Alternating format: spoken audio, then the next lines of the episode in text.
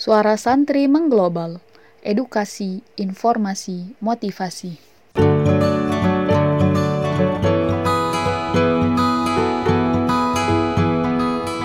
RMP Sostro Kartono, Sang Poliglot Religius, bagian ketiga. Oleh Muhammad Alvin Jauhari. Raden Ajeng Kartini meninggal dunia saat melahirkan anak pertamanya yang kemudian diberi nama Susalit. Kepergian Kartini ini jelas memukul batin Sosro Kartono, karena Kartini merupakan saudara perempuan yang banyak mendapat perhatian darinya.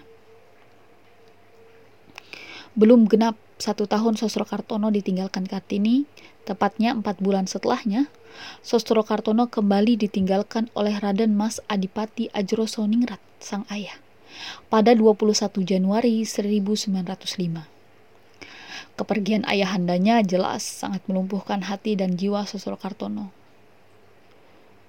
Karena Sosro Kartono tidak bisa menghadiri pemakamannya.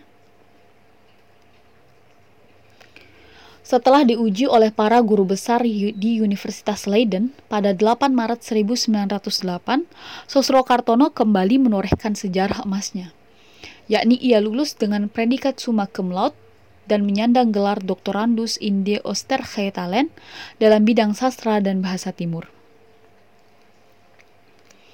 Kebahagiaan Sosro Kartono ini mungkin berkurang karena ayahanda dan adiknya tidak sempat menyaksikan keberhasilan studinya yang sangat membanggakan. Setelah lulus dari doktorandus, Sostro Kartono sebenarnya ingin langsung melanjutkan studinya ke jenjang doktoral. Namun ia mengurungkan niatnya karena dirinya memiliki konflik dengan Snoke Horgronje. Konflik Sosro Kartono dengan Snoke tidak lain karena Sosro Kartono memperjuangkan hak warga pribumi agar mendapatkan kehidupan yang layak, utamanya dalam bidang pendidikan. Berbanding terbalik dengan Snoke sendiri yang tidak memiliki rasa simpati sama sekali kepada warga pribumi. Bahkan Snoke menganggap Sosro Kartono adalah ancaman terhadap rezim kolonialisme. Dan pernah Snoke Horgronje mengatakan secara terang-terangan, Selama saya di sini masih berkuasa, Sosro Kartono tak akan mendapatkan gelar doktor. Pernyataan Snoke ini mencerminkan betapa kerasnya konflik antara dirinya dengan Sosro Kartono. Gagal menjadi dokter, Sosro Kartono kembali melanjutkan pengembaraannya untuk mencari pekerjaan di Eropa. Sebelum menjadi wartawan perang, Sosro Kartono terlebih dahulu menjadi tenaga penerjemah di Wina, Austria. Di sini ia mendapatkan gelar atau julukan sebagai jenius dari timur. Pada saat Eropa dilanda Perang Dunia Pertama, Sosro Kartono mendaftarkan dirinya sebagai wartawan perang di surat kabar The New York Herald yang bermarkas di Amerika dan kemudian sekarang menjadi The New York Herald Tribune. Menjadi wartawan untuk surat kabar ini bukanlah hal yang mudah, karena terdapat berbagai persyaratan yang sangat ketat dan bersaing dari berbagai negara. Di antaranya adalah meringkas berita. Sosro Kartono hebatnya adalah satu-satunya orang yang mampu meringkas dan menerjemah artikel panjang hanya menjadi 27 kata ke dalam bahasa Inggris, Prancis, dan Rusia. Sedangkan pelamar yang lain hanya mampu meringkas artikel menjadi 30 kata. Sedangkan pelamar yang lain hanya mampu meringkas artikel menjadi 30 kata.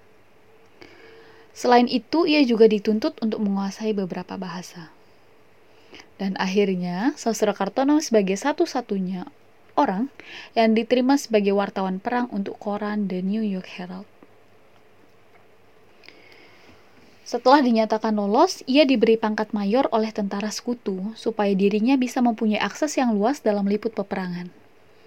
Selain itu, ia juga diberi oleh sekutu sebuah senjata, namun ia tidak membawanya. Alasan Susro Kartono tidak mau membawa senjata yang diberi oleh sekutu karena jika dia tidak menyerang orang lain, maka dia tidak akan pernah diserang. Pada saat Sosro Kartono menjadi wartawan perang, ia dikenal luar biasa canggih yang tidak bisa ditandingi bahkan oleh wartawan barat. Ia mempunyai karakter yang tenang, berani, teliti, sehingga liputannya soal perang selalu mendalam. Susro Kartono pun juga sangat mudah mengendus dan menguak peristiwa-peristiwa tersembunyi dalam perang. Oleh karena itu, liputannya selalu menarik.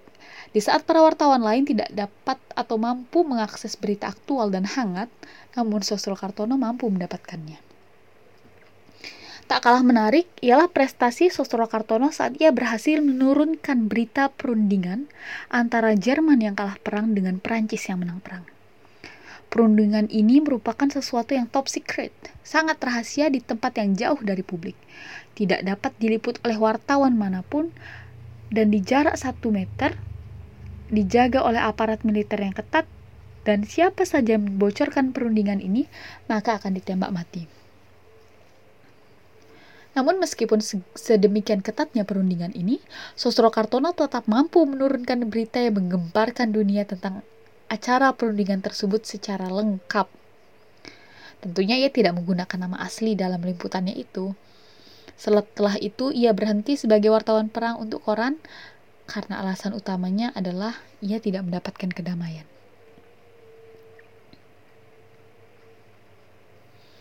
Setelah berhenti sebagai wartawan perang, Susro Kartono diminta oleh pihak sekutu sebagai juru bahasa tunggal. Tidak lama itu, ia pun berhenti karena merasa ketidaksesuaian antara idealisme dan batinnya.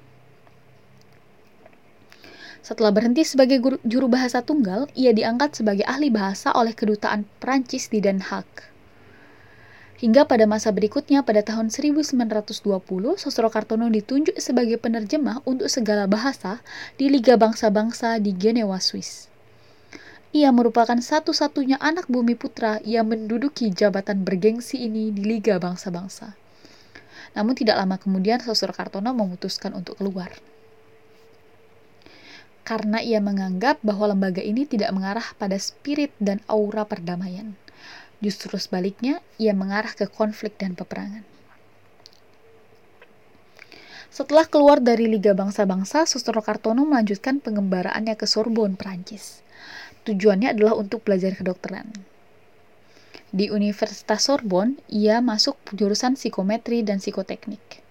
Keinginannya untuk belajar kedokteran ini bermula dari pengalamannya saat masih di Genewa, Swiss. Ia diminta untuk mengobati seorang bocah yang menderita sakit berat. Bocah ini sudah beberapa kali dibawa ke dokter, namun hasilnya nihil. Karena iba, Sosro Kartono pun coba-coba untuk mengobatinya. Ia menempelkan tangannya di dahi bocah tersebut dan meletakkan kedua tangan si anak tadi di tangan yang menempel di dahi. Namun, beberapa menit kemudian si anak tiba-tiba kondisinya membaik dan normal. Yang awalnya pingsan langsung minta makan dan minum. Sebuah keajaiban yang luar biasa dari Sosro Kartono. Namun sayangnya keberuntungannya tidak selalu menjadi miliknya. Ia tidak diterima masuk di, univers di Universitas Sorbonne ini lantaran ijazah yang ia miliki jurusan bahasa dan sastra. Sedangkan masuk jurusan yang ia inginkan harus dari jurusan kedokteran. Walaupun akhirnya ia tidak masuk pada jurusan yang ia inginkan, ia masih dapat mengikuti kuliah informal di kampus tersebut. Setelah itu, ia mendapatkan keinginan untuk kembali ke tanah air. Awalnya, ia dilanda kebingungan yang luar biasa, apakah tetap tinggal di Eropa atau kembali ke tanah airnya. Sebelum kembali ke tanah air, ia sempat singgah sebentar di Southampton, di kota yang terakhir menjadi tempat pengembaraannya di Eropa. Dengan segala keyakinannya, Sosro Kartono akhirnya meninggat, meninggalkan semua kemewahan dan kemegahan Eropa untuk kembali ke tanah air. Selama pengembaraan yang lama di Eropa, mungkin secara material, kemapanan, gaji, kekuasaan, ia memiliki segalanya. Namun Sosro Kartono justru merasa tidak menemukan kebahagiaan dan kedamaian di hatinya. Cerita berlanjut ke episode selanjutnya. Demikian podcast episode kali ini. Saatnya santri mengglobal.